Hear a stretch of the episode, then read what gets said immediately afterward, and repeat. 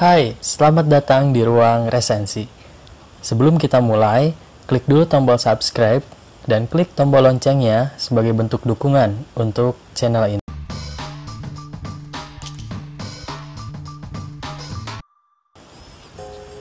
Assalamualaikum warahmatullahi wabarakatuh. Akhir-akhir ini, banyak konten kreator yang mempertontonkan kebaikan mereka dalam hal memberi dengan cara prank dan cara-cara jahil lainnya. Kita semua memang terhibur dengan tontonan tersebut. Namun, jutaan orang tidak menyadari bahwa ada cara-cara memberi yang lebih relevan dan dapat kita lakukan dalam kehidupan sehari-hari.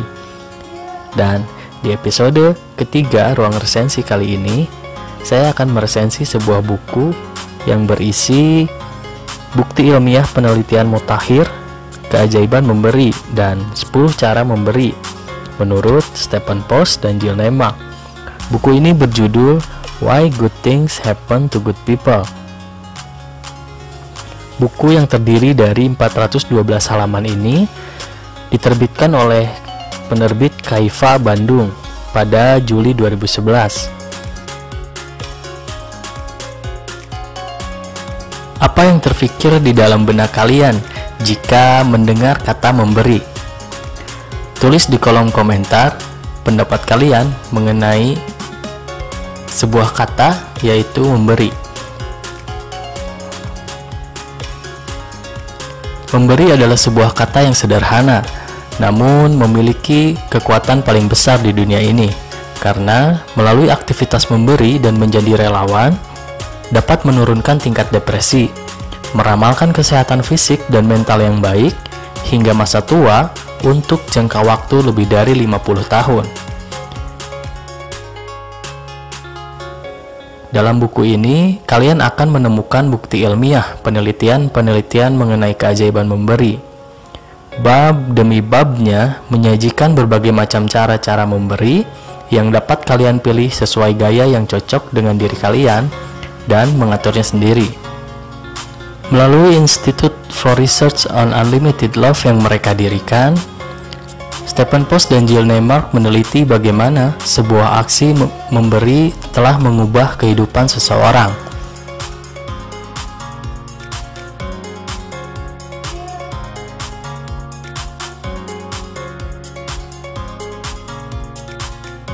Mereka menemukan 10 cara memberi yang dapat diterapkan setiap hari.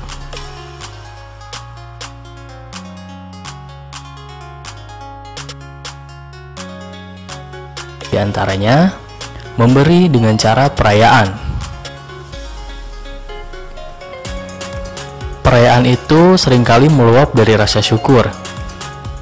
Perayaan itu menyenangkan, dapat dirasakan riang gembira dengan ritual-ritual yang tak terhitung jumlahnya. Beberapa di antara cara memberi dengan perayaan adalah ulang tahun, acara wisuda, syukuran bayi, syukuran rumah baru, kartu terima kasih yang kita kirim untuk seseorang, kado spesial untuk orang tercinta, trekking di alam liar, meditasi yang menenangkan, atau sorak-sorai bagi tim yang menang. Cara yang kedua yaitu generativitas atau menumbuhkan orang lain sebuah pepatah klasik yang masih relevan dan masih terbukti dengan baik dapat kita terapkan yaitu beri orang itu ikan dan dia akan makan hari ini.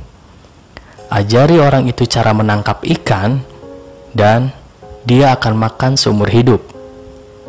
Itu adalah cara memberi dengan generativitas atau menumbuhkan orang lain. Cara yang ketiga memaafkan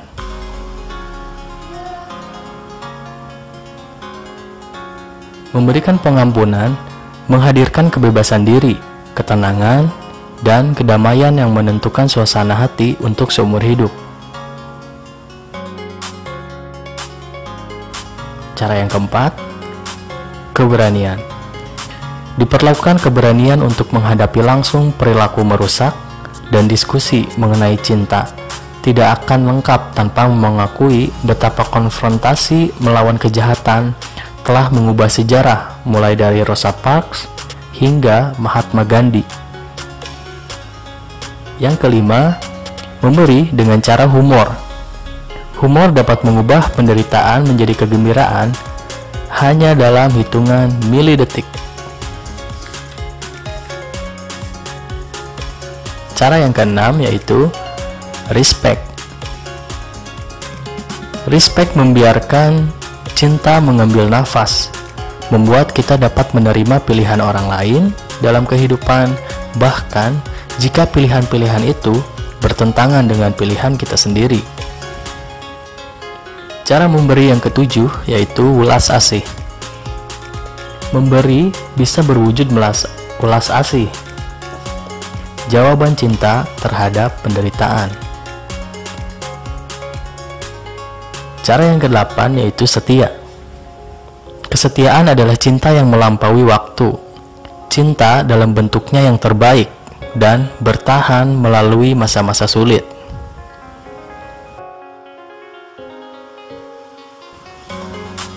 Cara yang kesembilan yaitu mendengarkan. Mendengarkan dengan penuh perhatian adalah dasar terapi yang bagus. Kepemimpinan, keayah bundaan, persahabatan, dan bahkan politik yang berarti. Kebutuhan untuk didengarkan, dimengerti, dan benar-benar dikenal adalah universal. Cara memberi yang ke-10 yaitu kreativitas. Kreativitas adalah ekspresi paling spontan dan paling menggembirakan dari kehidupan itu sendiri. Coba lihat lagi, berapa banyak buah kreativitas orang-orang telah mengubah dunia yang terpuruk menjadi berbahagia. Setiap cara memberi akan dibahas lebih dalam menjadi satu bab penuh. Jadi, dalam buku ini kalian akan menemukan 10 bab yang membahas sangat rinci mengenai 10 cara memberi tersebut.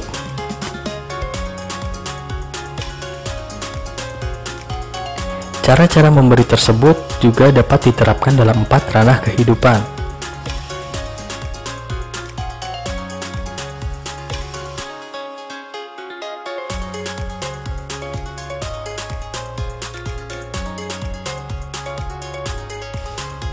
Yang pertama, kehidupan keluarga. Keluarga adalah lingkup terdalam, tempat kita mengalami cinta yang paling mendalam, penuh cobaan dan menguatkan. Lalu ranah yang kedua, teman-teman. Persahabatan adalah ekologi, misteri, dan bahasa. Ketiga-tiganya. Lingkup yang ketiga, komunitas. Dengan warna-warninya yang beraneka ragam, Komunitas sangat penting untuk sebuah kehidupan yang kaya. Ranah yang keempat, umat manusia. Seperti yang diucapkan oleh Mahatma Gandhi, umat manusia adalah sebuah samudra. Jika beberapa tetes airnya kotor, samudra itu tidak menjadi kotor. Dan jika kalian mengkalkulasi keempat ranah memberi dan 10 cara-caranya, kalian akan mendapatkan 40 cara-cara memberi tersaji dalam buku ini. Pilihlah sesuai gaya yang cocok dengan kalian. Pada akhirnya, dengan memanfaatkan panduan pada setiap bab buku ini, kalian bisa menciptakan rencana khusus untuk mewujudkan kehidupan yang lebih murah hati dengan menggunakan gaya memberi yang paling sesuai bagi diri kalian.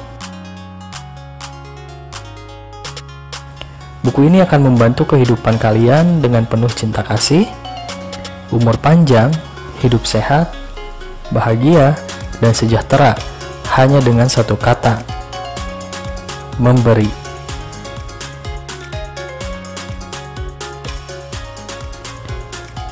Terima kasih sudah menyaksikan ruang resensi episode ketiga.